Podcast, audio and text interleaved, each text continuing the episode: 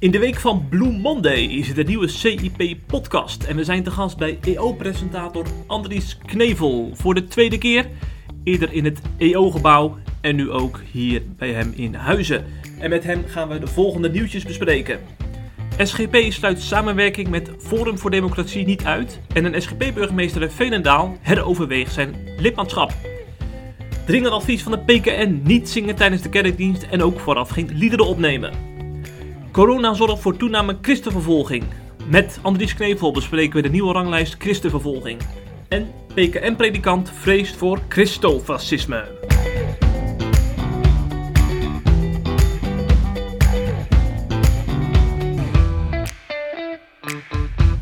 Andries, voor de tweede keer van harte welkom in de podcast. Dankjewel, mooi om het te doen.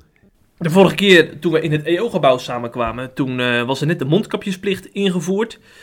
En toen hadden we toch nog wel zicht op uh, wat versoepelingen.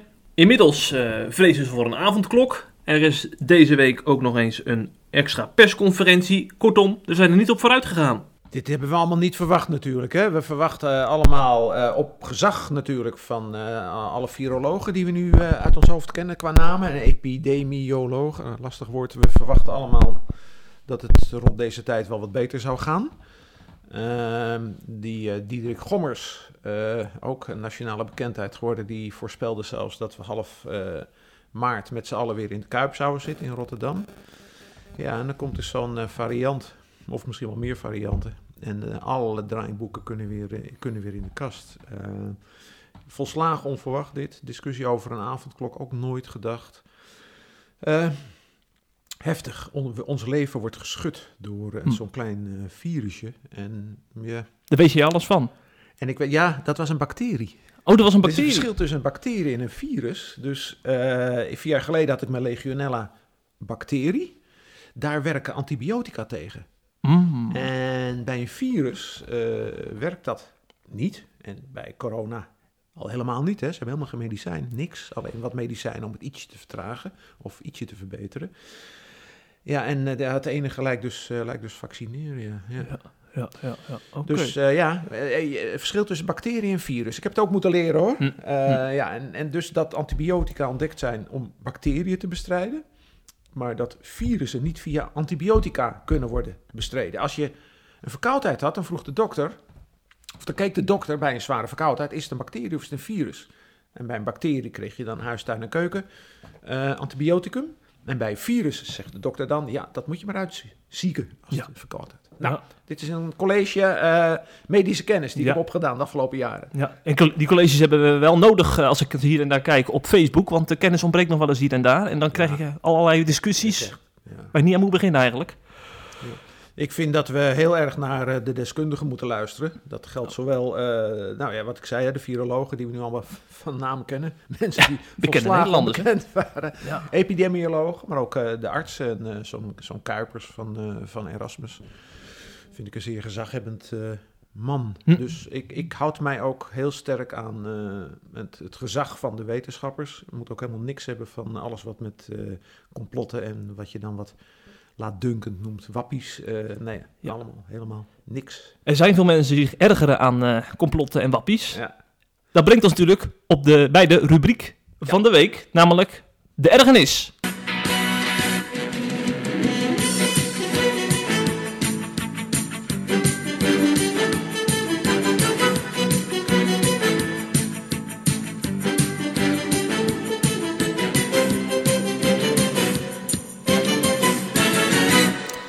Ja, ik uh, zat uh, uh, op Twitter te kijken zondag en daar zag ik een fragment uit Buitenhof. Nou kijk ik nooit Buitenhof, want dat zit zo'n beetje onder kerktijd. Hè? Dus um, ik kijk eigenlijk helemaal geen televisie op zondag. Dat heb ik nog uit mijn... Zo, dat hou je gewoon vol? Dat hou ik vol. Mijn bevindelijke traditie. Wij keken, we hadden geen televisie eerst. En dan is het ook niet zo moeilijk om Daarna hadden we wel televisie, maar keken we niet op zondag. En nu heb ik televisie en ik kijk niet op zondag. Um, maar goed, daar zat een fragment. Ik kijk wel op Twitter op zondag, ja. dus het is een beetje dubbel. ja, daar zag het fragment uit, uit Buitenhof. Uh, en daar zat een journalist van NRC, Tom Jan Meus. Die lees ik ook in zijn rubriek zaterdags. En die zei, hij suggereerde niet, maar hij zei dat uh, Rutte uh, met de avondklok bezig is. Ik zeg het in mijn eigen woorden om de aandacht te verschuiven van de discussie over de toeslagen van deze week. Dus dat het een handige, mijn woorden weer, handige afleidingsmanoeuvre was van de toeslagenaffaire. Dat speelde hij nog door aan Renske Leijten van de SP. Die beaamde dat. En uh, daarna, Twan Huis, die zei toen ook wel, dat is wel toch wel een heel erge, erge uitspraak. Daar heb ik me boos over gemaakt. Uh, want dat is weer een andere vorm van complot. Hè? Dat, is, uh, dat is ook weer complot. Dat is suggereren van kijk nou eens wat een slechte overheid. Hè? Die gaat hele erge dingen doen. Een avondklok notabene. Wat ons allemaal raakt. En dat zou dan alleen maar of voor een deel zijn om de aandacht van de toeslagenaffaire af te leiden. Daar was ik boos over. Maar deze man is wel heel goed geïnformeerd. Hij weet achter de schermen allemaal weet, wat er speelt. Hè? Ja, daarom mag hij het juist niet doen. Uh, want het is natuurlijk onzin. Of hij heeft een bron. Het is onzin. Uh, Mark Rutte of deze regering gaat geen avondklok instellen om, die, om weg van die toeslagenaffaire te blijven. Het is compleet onzin. Het is een complot. Heb je het weer, hè? Complotdenken. Later, op, dat zeg ik er even bij, later op Twitter hebben mijn, mensen mij gezegd... ja, je, moet, je zou het hele fragment of de hele uitzending moeten bekijken. En dan zie je dat hij het minder stellig heeft gezegd... En dan denk ik weer, ja, maar wacht eventjes. Buitenhof heeft exact dit fragment erop gezet. Hm. Niet uh, met uh, de wat minder stellige misschien uitspraken, maar precies zo geknipt dat ik lees dat uh, Tom Jameus heeft gezegd: Rutte doet dit omdat. Ik vind het heel. ik wou zeggen, griezelig is het groot woord. Ik vind dit slecht om in een tijd waarin het allemaal onder hoogspanning staat. We. Kijk eens naar de demonstratie van afgelopen zondag in Amsterdam. Kijk eens naar wat effecten zullen zijn, misschien wel van een avondklok. Kijk eens naar hoeveel uh, bedrijven punt van omvallen staan. Kijk eens naar, nou, naar de ziekenhuizen. Om dan ook maar de suggestie te wekken dat er vals spel wordt gespeeld. Dus daar heb ik mij erg over geërgerd. Ik, mijn tweets speel ik nooit op de man. De laatste keer was vijf jaar geleden. Dat doe ik niet. Hm. Uh, deze keer heb ik een uitzondering gemaakt. Oké, okay, dus je hebt uh, Tom Jamiels getagd, om dat zo maar te zeggen. Hij heeft mij, uh, daarna zag ik dat hij mij ging volgen. Oh ja. Daar heb je toch wat aan overgehouden. ja, ik heb er een volger aan overgehouden. Ja. ik was echt boos zondag. Hm. Hm.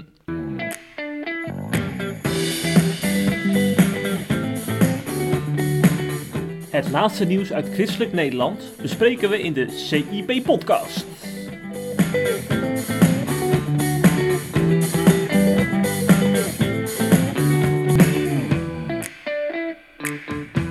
We gaan naar. Uh, de, de, luisteraars weten dat wij altijd één hoofdnieuwtje bespreken. Het nieuws van de week. En vervolgens nog wat kleine nieuwtjes. En ons hoofdnieuws gaat deze week over de SGP. Dat zal niet waar zijn. Misschien wel een partij die jou lief is, dat weet ik niet precies. Zeker, zeker. Oh, ik ben lid wel. geweest. Jazeker. Kijk, kijk, kijk. Ik ben lid van de SGP geweest. Nou, ja. Dus je draagt ze nog steeds een warm hart toe? Uh. Zeer warm hart. Oké, okay, mooi. Nou, deze partij, uh, afgelopen weekend hadden ze een partijcongres online. Ja. En ehm, vervolgens kwam de nieuwe partijvoorzitter aan het woord. Hè? Dat is Dick van Meeuwen.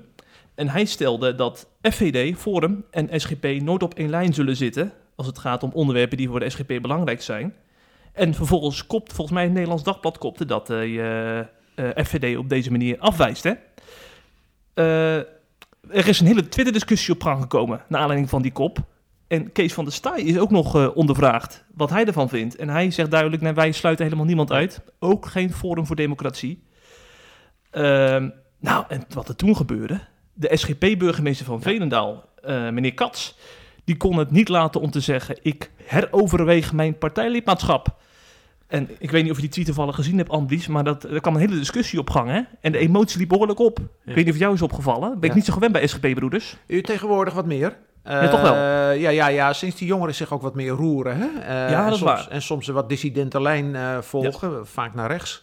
Ehm, kijk, toen ik lid was van SGP was er nul discussie natuurlijk. We waren het iedereen was met iedereen eens. Dat is overigens een jaar vijf... Oh, ja, ik ben nu 68, jaar 45 geleden. Zo. Dat ik lid was van de SGP. Ik heb hm. ook nog wel een tijdreden gehouden voor de SGP. Dat kan niet iedereen zeggen. Nee. Uh, dus ik, toen was er geen discussie in de partij. Uh, tegenwoordig is er wat meer discussie in de partij. Ik vind dat wel boeiend overigens. Ja, en gezond misschien ook ja, wel, dat het openlijk kan. Zeker, hè? zeker. Ja, ja. En er is ook een discussie of, of, je, of je wel of niet kan samenwerken met Ja. Forum voor Democratie. En eh, deze burgemeester waar we het net over hadden, die verwees natuurlijk met name naar het antisemitisme. Hè, dat onlangs opdook eh, eh, in het AD bij een reconstructie. Dat eh, Baudet eh, alleen maar antisemieten kent. Ja. En eh, nog meer uitspraken eh, daarover. En hij zegt, het is heulen met antisemieten als je overweegt om met FVD samen te werken. Heftig, heftig in de heftig aan toe. En ehm, dat deed ons denken aan een boekpresentatie vorig jaar. Toen werd een boek gepresenteerd.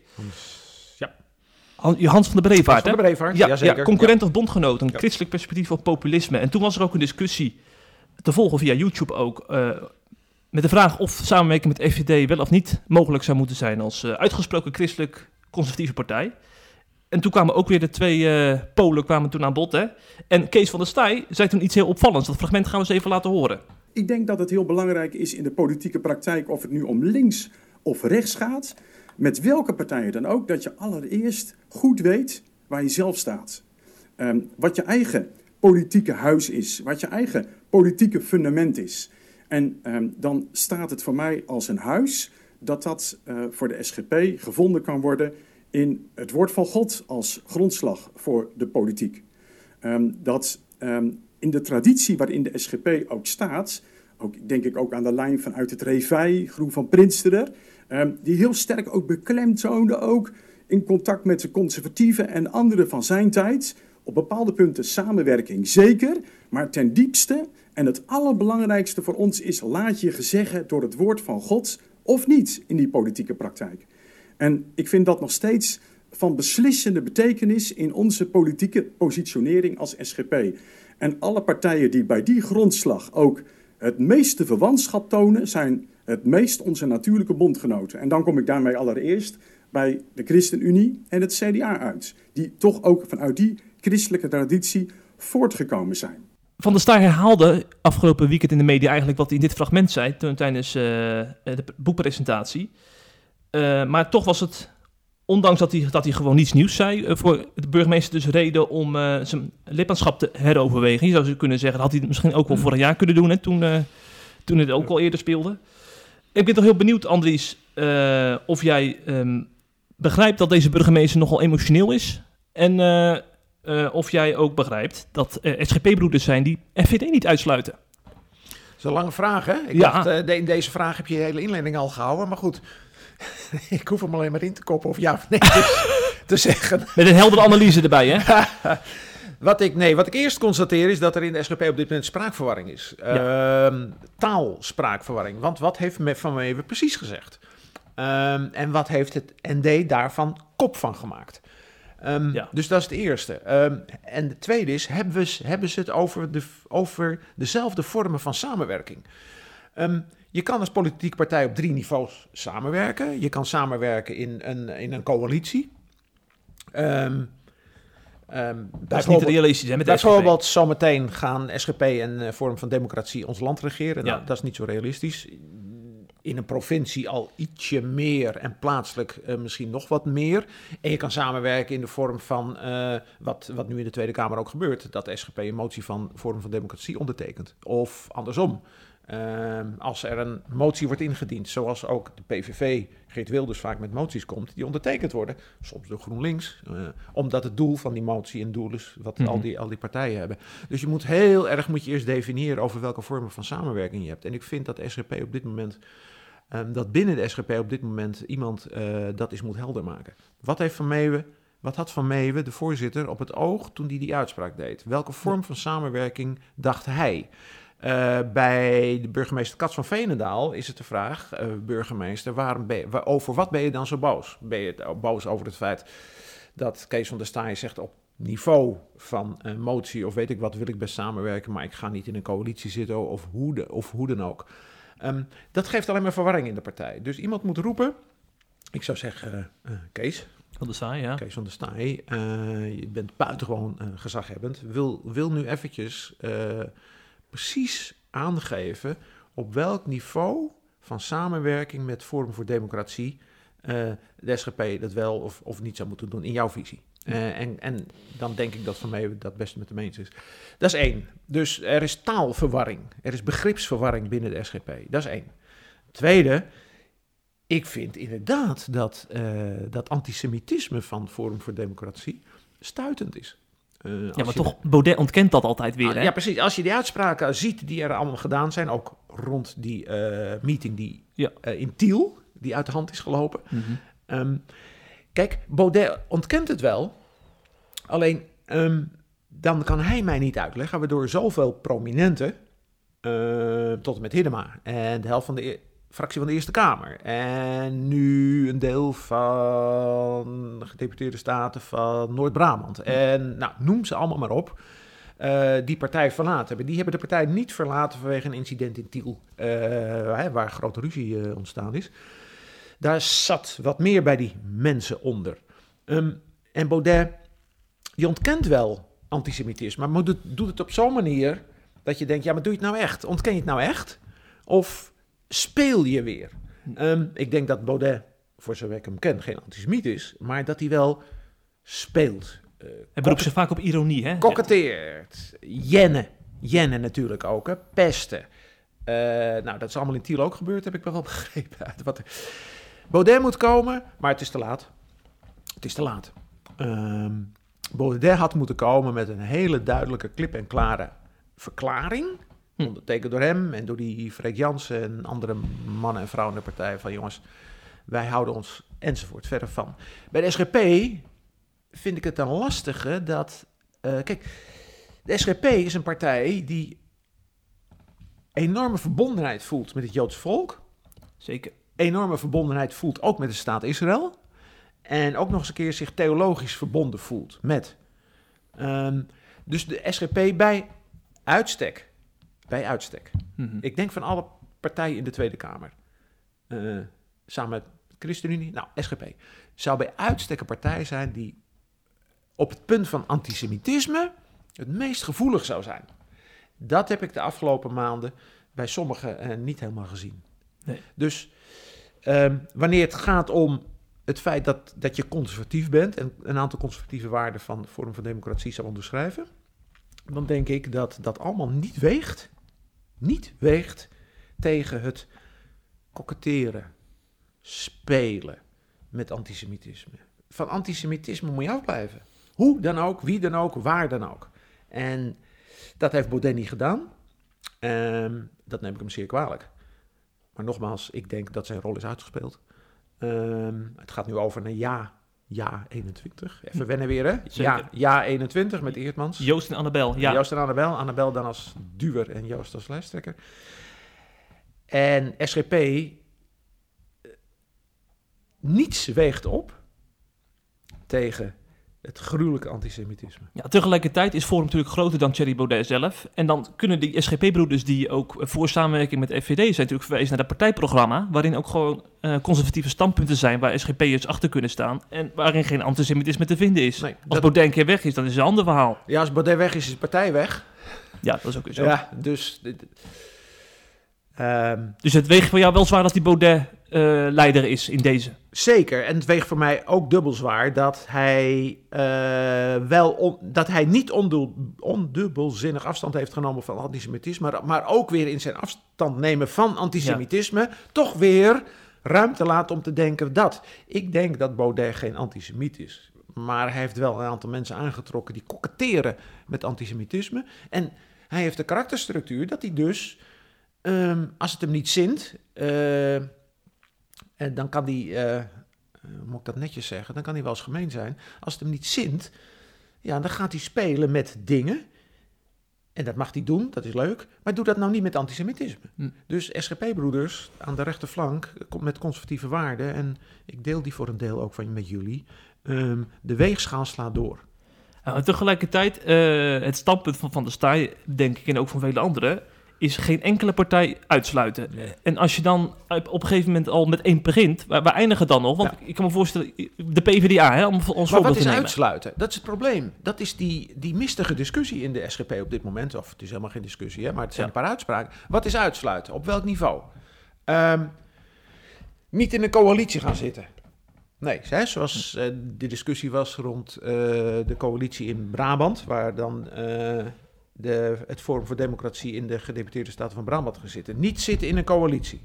Eh, of zometeen niet zitten in de regering. Dat is allemaal onzin, want dat gebeurt niet.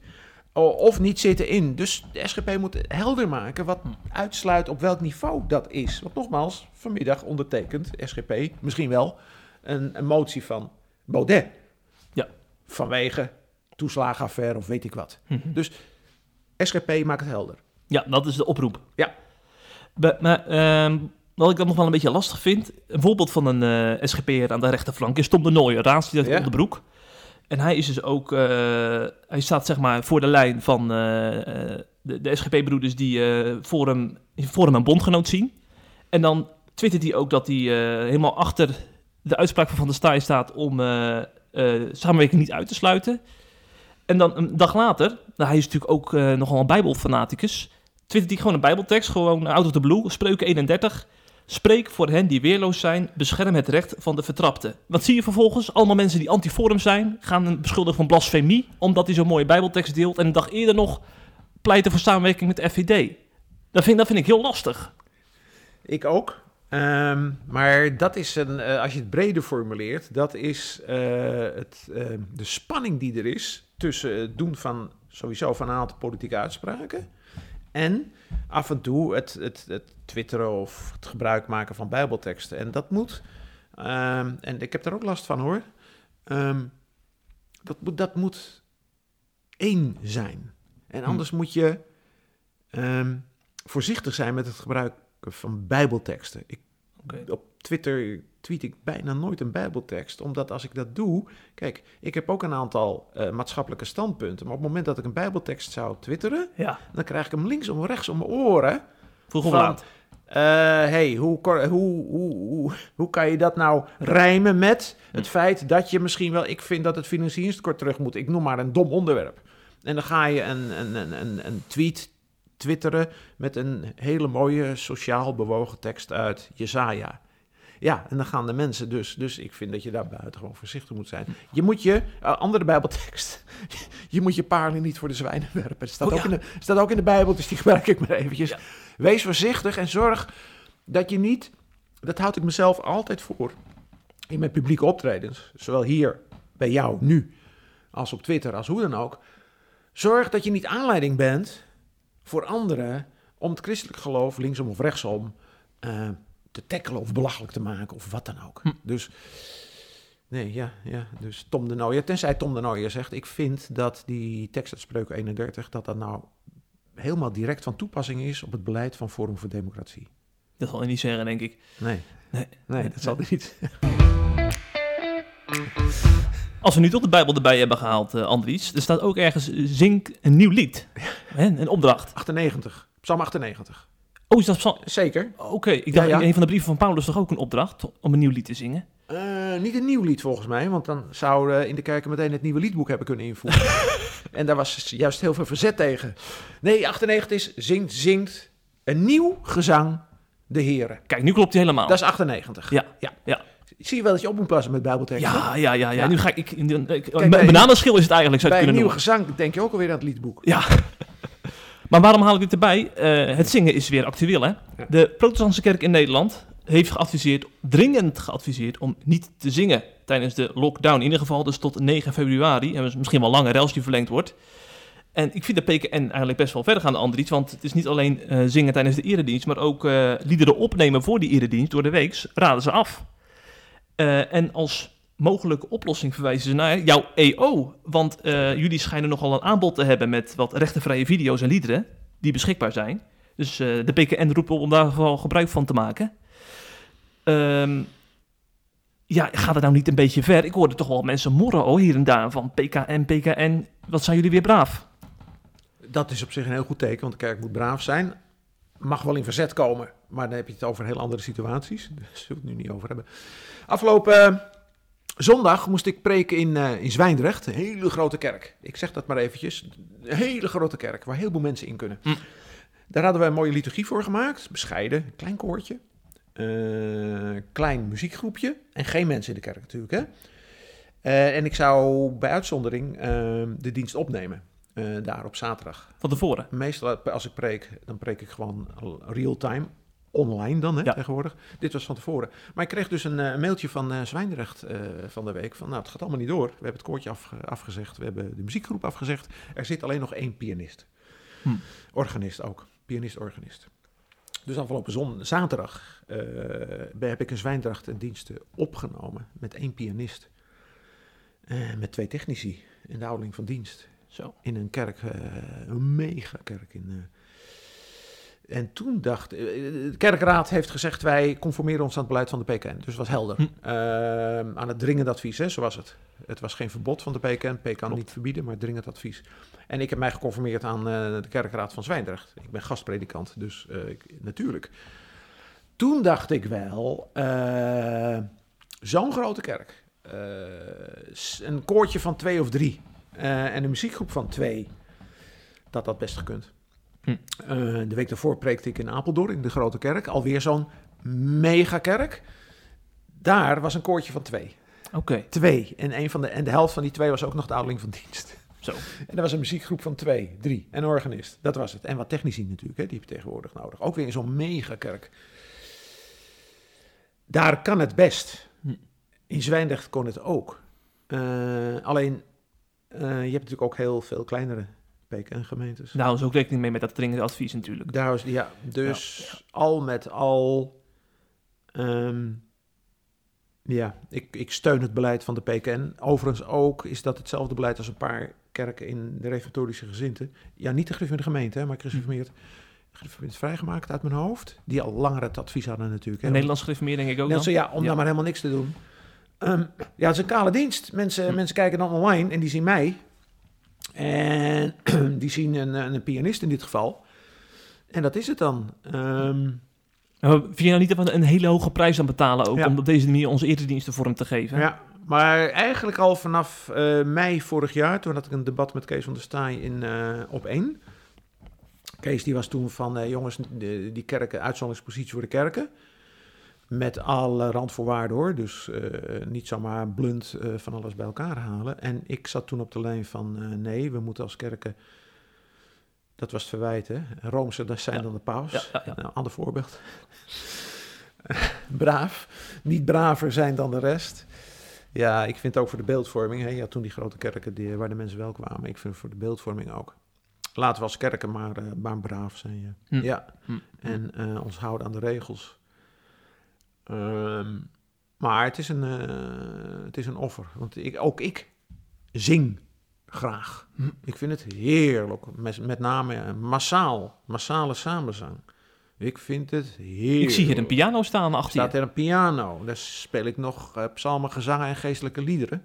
Hm. Dat staat in Psalm 98. Zing, zing een nieuw gezang. En die psalm ga ik nooit meer vergeten. anders niet, hoor. dus ik vind het een lastige.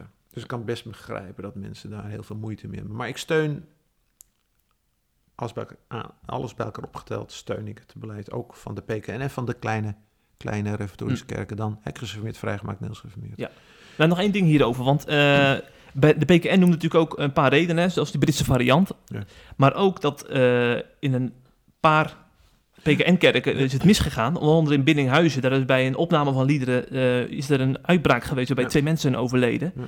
Maar dan denk ik ook aan de andere kant, als ik ook kijk naar de Bijbelbeeld, er is echt zoveel gezongen op Urk. Op, eh, dat, dat zingen is bijna heilig daar.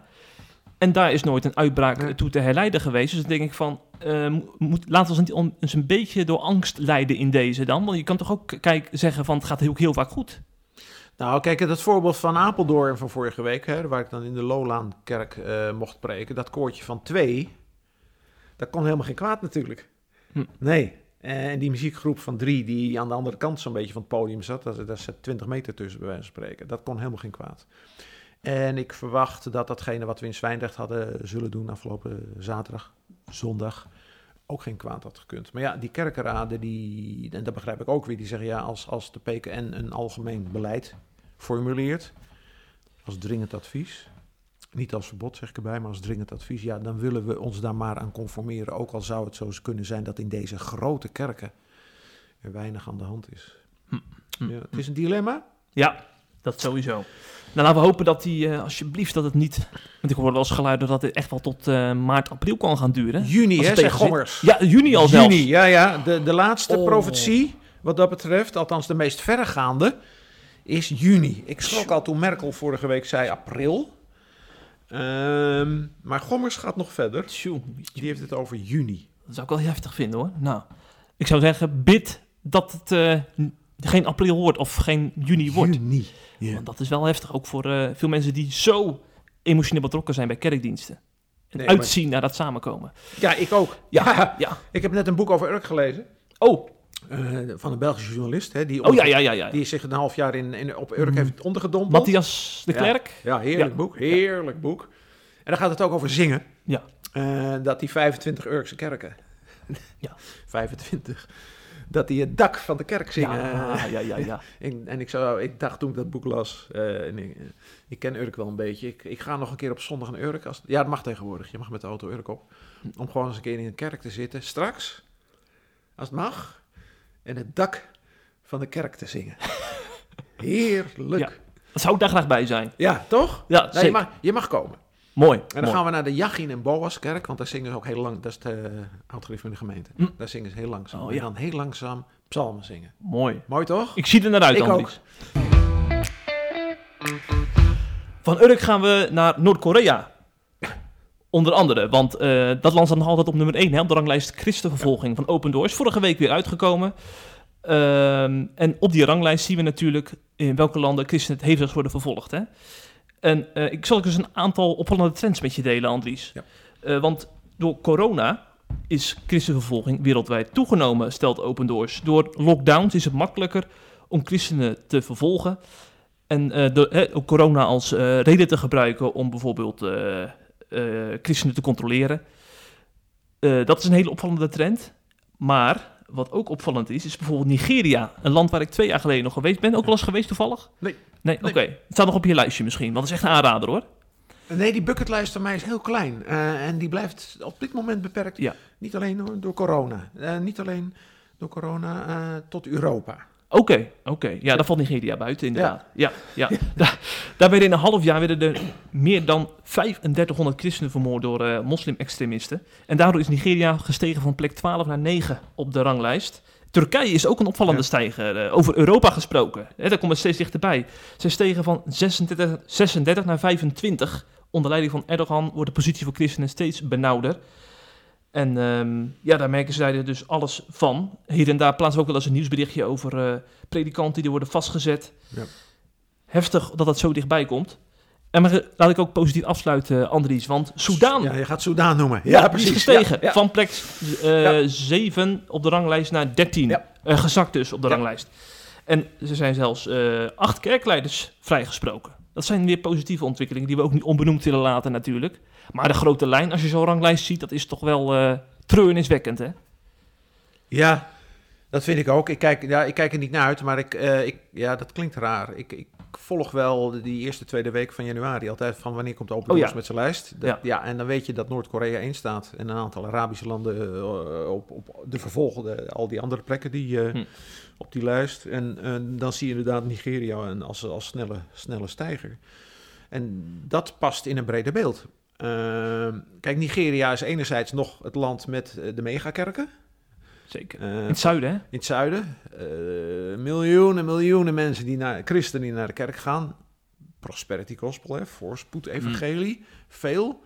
Nou, dat is een ander debat. En tegelijkertijd is het een van die landen in, in Afrika die je kan in Afrika kan je een, een lijn trekken, een wat hobbelige lijn, hoor, een hobbelige lijn tussen het noorden, veelal Sahara-gebied. Eh, en net onder dat noorden nog, eh, waar het wat groen wordt en wat ook nog een moslimgebied is. Sahara is ook moslimgebied. En Ja. dan krijg je verder Sub-Sahara, en dat is het christelijke gebied. Of animistisch, christelijk, ook christelijk. Hm.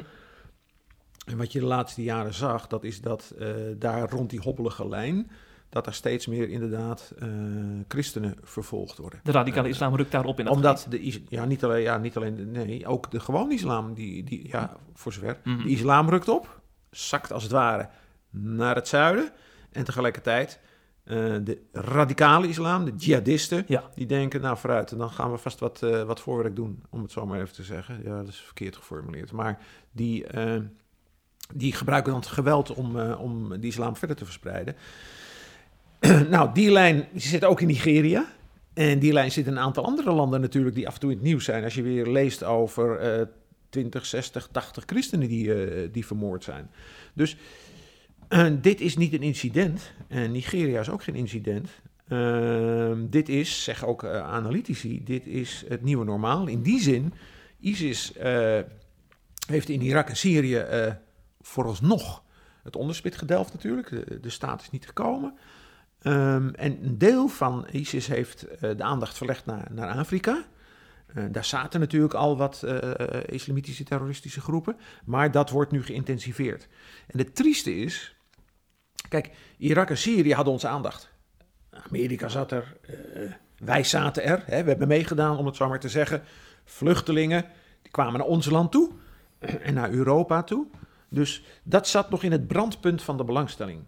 Wat er in Afrika gebeurt, natuurlijk helemaal niet. Hm.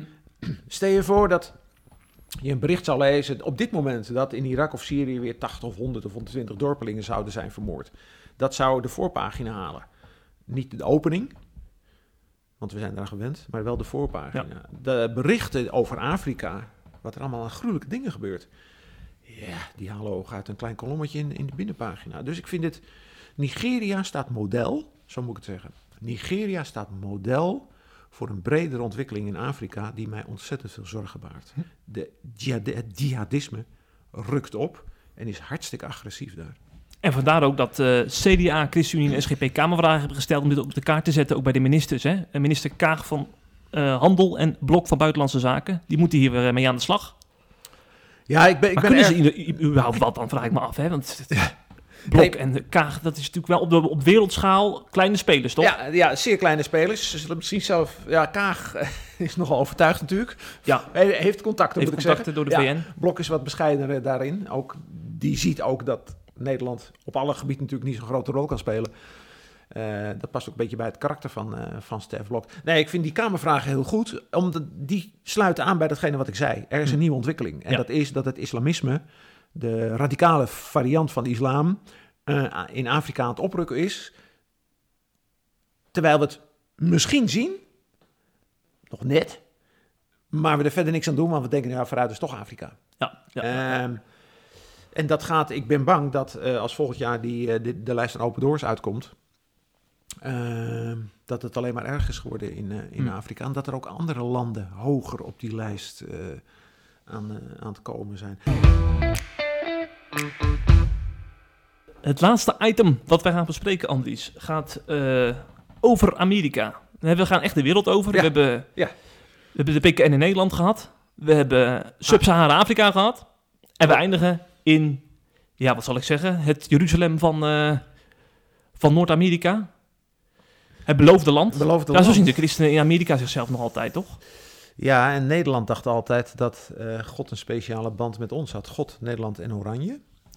En in Engeland dachten de Puritijnen onder Cromwell dat eh, alle landen waren fijn, maar God had een speciale band met Engeland. Hm. Dus je ziet dat onder het Puritanisme, wat je natuurlijk ook in Amerika hebt gekregen, hè, eh, export vanuit eh, Nederland, nee, vanuit Europa moet ik zeggen, dat het idee van een soort speciale band tussen God en een land, speciale bevoorrechte positie, dat dat universeel is onder Puritijnen. God heeft namelijk niks met Nederland, Hm. zeg ik er maar even bij. Ja. Heel wat luisteraars die eh, schrikken nu. Ja. God heeft niks met nationale staten. God heeft alleen wat met Israël en, Ja. met, en met mensen. En vandaar dat eh PKN-predikant Axel Wikke ook een waarschuwing eh, verspreidt via de blog nieuwwij.nl. dat is volgens mij een wat links-progressieve blog. ehm, waar hij van zich laat horen naar aanleiding van de protesten in, in Amerika. En natuurlijk de bestorming van het Capitool hè, uiteindelijk. Wat dus natuurlijk wel de aanleiding is om te waarschuwen voor hem. ehm, dat een smal deel van het christendom in Amerika eh, nu ontspoort richting christelijk nationalisme en zelfs christofascisme eh, zegt deze Wikke. En ehm, hij verwijst onder andere naar leuzen die zijn eh, geroepen en ook op spandoeken stonden, zoals Jesus is my savior, Trump is my president. Kortom, er zit ook een vleugje christendom bij al die Trump-fans natuurlijk, waar we niet omheen kunnen.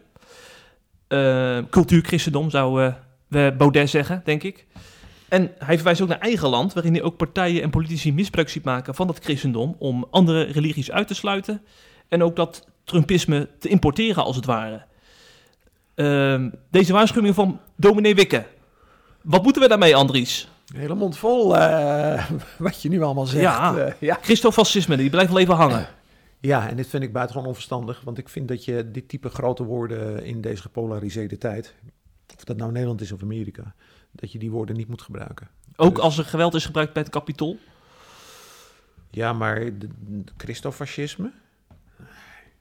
Is niet per se Nee. in naam van Christus gebeurd, wil je daarmee nee, zeggen? Nee. nee. Ik vind, eh, nee. Dus die termen, je moet sowieso grote termen eh, op dit moment niet gebruiken in deze Hm. tijd.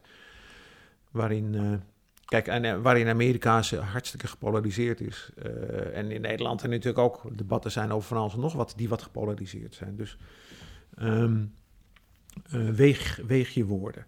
Ehm, ja, wat er in Amerika gebeurt, daar kan ik een uur over praten natuurlijk. Ehm, ik vind eh, dat je wel die, die christen in Amerika eh, recht moet doen in die zin. Kijk, zij zien hun waarden, de waarden voor, waarvoor zij staan, gezinswaarden, familiewaarden, waarden rondom eh, de zorgvuldigheid rond het begin van het leven, het einde van het leven. De vrijheid die ze hebben om homeschooling te doen, heel belangrijk daar natuurlijk, hè? Thuis, thuisonderwijs. Zij zien eh, dat die waarden, ja, nou heb je het, ehm, aangevallen worden. Is dat zo door democraten? Of in ieder geval wat aan het verkruimelen zijn. Eh, en daar was Trump was een soort eh, laatste hoop. En dat zijn allemaal voor een groot deel, dat zijn voor een groot deel brave christenen die in een bepaalde culturele context hebben geleefd als christenen. Vrijheid is ook heel belangrijk voor ze natuurlijk, ook economische vrijheid. Thijs heeft ze geportretteerd. Thijs van der Brink, Nou, ja, zeker. serie en dat zijn allemaal brave mensen die, eh, die op Trump hebben gestemd omdat ze zien, dachten, misschien wel dat datgene waar zij nou voor staan, dat dat bedreigd wordt. Ehm, hoewel er natuurlijk niemand is in Amerika op dit moment vanuit de linkerkant die mensen dwingt om een abortus te plegen of om euthanasie te plegen. Dus er zit ook een hele sfeer omheen van eh, help, er komt wat aan. Nou, die, die mensen begrijp ik best. Daar voel ik me voor een deel mee verwant. Ehm, en die zag je dus in die reportage van Thijs eh, heel mooi. Daarnaast is er natuurlijk een kleine groep die zich verbonden heeft aan eh QAnon. Complotdenker of de Proud Boys. Of nou, zo'n hele grote, eh, heel veel van die groepen. Dat is rechtsextremisme waar we het nu over Ja, hebben. en die waren denk ik met name...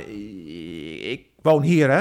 Ik ben niet in Washington geweest. Maar wat ik zo lees, wat ik zie... eh, die waren met name verantwoordelijk voor die aanval op, op het kapitool. En die hebben een aantal christenen met zich meegenomen. Dat mag je niet ontkennen. Hm. Die zaten er ook bij. Er zaten ook van die borden bij inderdaad, hè, over, eh, over Jezus en Trump. Alleen ik denk dat de grote meerderheid...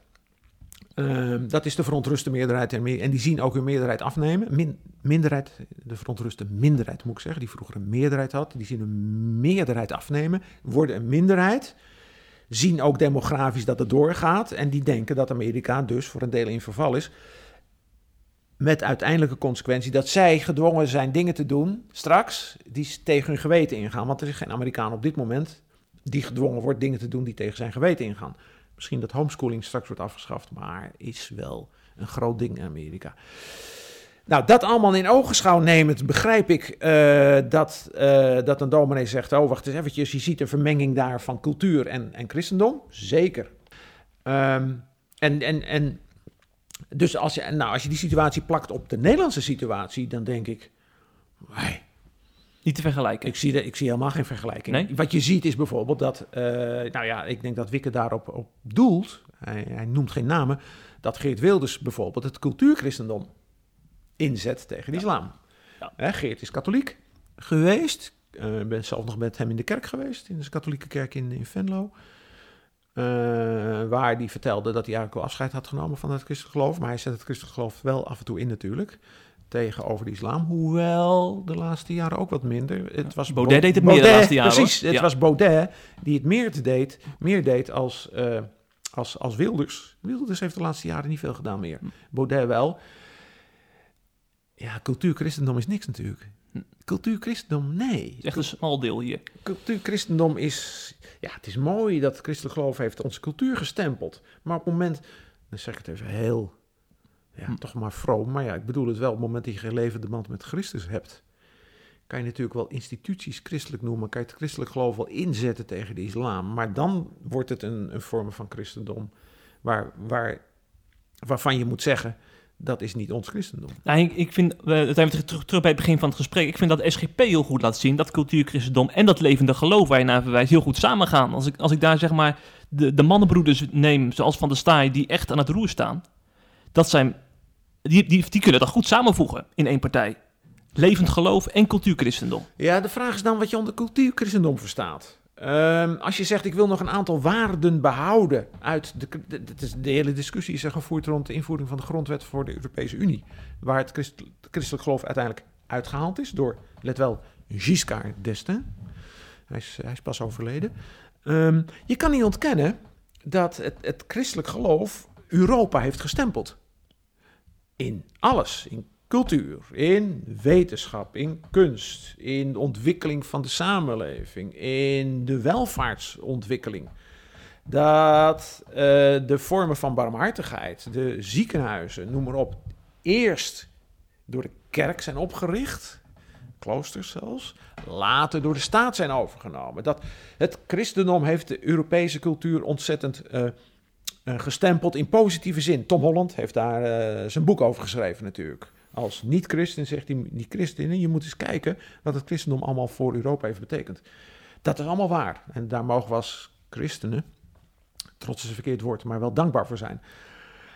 Dus wat je nu nog ziet aan vormen van barmhartigheid, aan de wijze waarop de Europese landen zijn, de meeste Europese landen zijn georganiseerd, dat heeft christelijke wortels.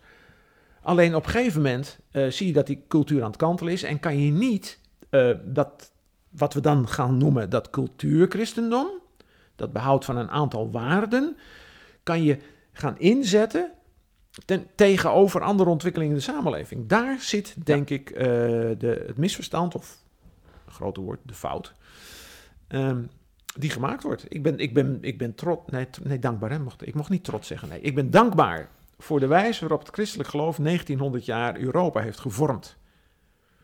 Maar zet het niet in als een soort strategisch eh, wapen in een cultuurstrijd anno 2020, 2021. En daar ageert deze dominee Wikke dus tegen. Daar ageert hij tegen, maar hij gebruikt niet de goede woorden. En Christopher, als je, nee joh, in Nederland ben je gek. Ja. Nee, nee. Nou misschien is het In Amerika ook niet zoveel. Nee, nee, nee. Nee. nee. Dit, zijn brave burgers daar in Amerika. Het is, eh, ja, nogmaals, kijk naar de documentaires van Thijs.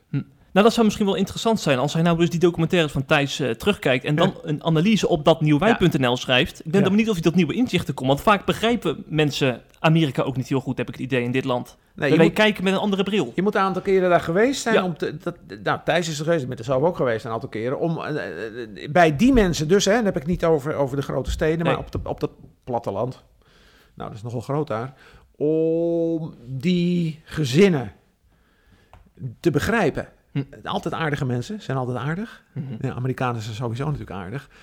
Eh, je wordt er verwelkomd, je, eh, je mag meedoen, je mag mee eten. Ze zijn ontzettend gastvrij.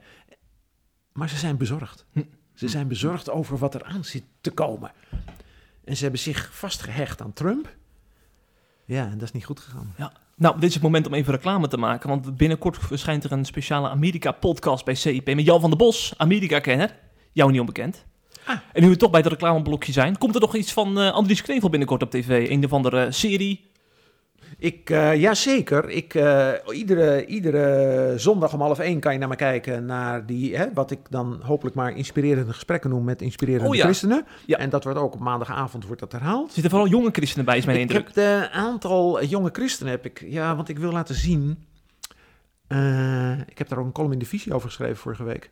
Ik wil laten zien dat bij alles wat er rond het christelijk geloof aan de hand is in Nederland en rond de kerken, dat er een nieuwe generatie christenen opstaat die hoog opgeleid is, zelfbewust is, die niet meer de ballast heeft die ik heb, namelijk van de jaren 60 en 70, toen wij nog vochten voor het behoud van, daar heb je hem hè, die, eh, die christelijke natie, die er niet was. Hm. Die er niet was. Eh, die dat allemaal niet meer heeft meegemaakt, die met een soort onbevangen blik in, in deze wereld staat. Ik noem ze maar jong en onbevangen orthodox. En die ook best een aantal orthodoxe standpunten heeft. Nou, daar heb ik een aantal van uitgezonden. En de- ik was, eh voor jij kwam, was ik weer op zoek naar een aantal andere. Ik vind dat een hele boeiende ontwikkeling. Nou, die zit in dat programma, maar die zitten ook andere mensen in het programma. En ik ben er met een nieuwe serie over eh, geloof en wetenschap bezig. Alweer? Jazeker. Ik heb er genoeg van, hè? De laatste. Oké. Ja, eh 4 à 5. Ehm, ik zou naar Harvard gaan, hè, omdat ik wil laten zien dat ook aan de top van de top van de top eh, van de wetenschap er christenen zijn. Nou, dat is allemaal niet doorgegaan natuurlijk. Ehm, ik heb hem wel gepland nu, eh, die reis voor najaar? Oké. Vraagteken? Ja, grote vraagteken. Groot vraagteken, maar ik ben ondertussen in Nederland ook eh, met een aantal wetenschappers eh, bezig. Dus er komt een nieuwe serie Geloof en Wetenschap, want ik vind het zo. Men, als mensen afhaken van de kerk, dan heeft dat vele redenen. Hashtag adieu God. Een van de redenen die het niet mag zijn, is wetenschap. Ja, ja. Niet. Kortom, houd die bilpuis in de gaten de komende tijden. Iedere zondag half één. Ik geloof tegenover Buitenhof. Dus, Oh, en is Krijg nou wat? Concurrentie voor Buitenhof. Ja.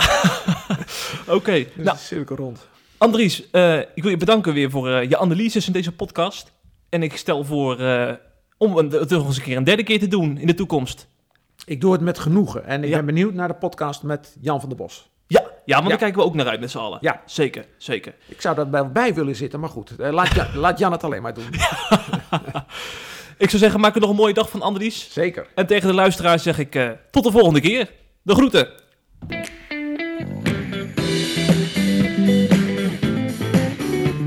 Je luistert naar de CIP-podcast. Volgende week weer een nieuwe aflevering. Wil je onze artikelen lezen? Ga naar cip.nl en word CIP Plus lid.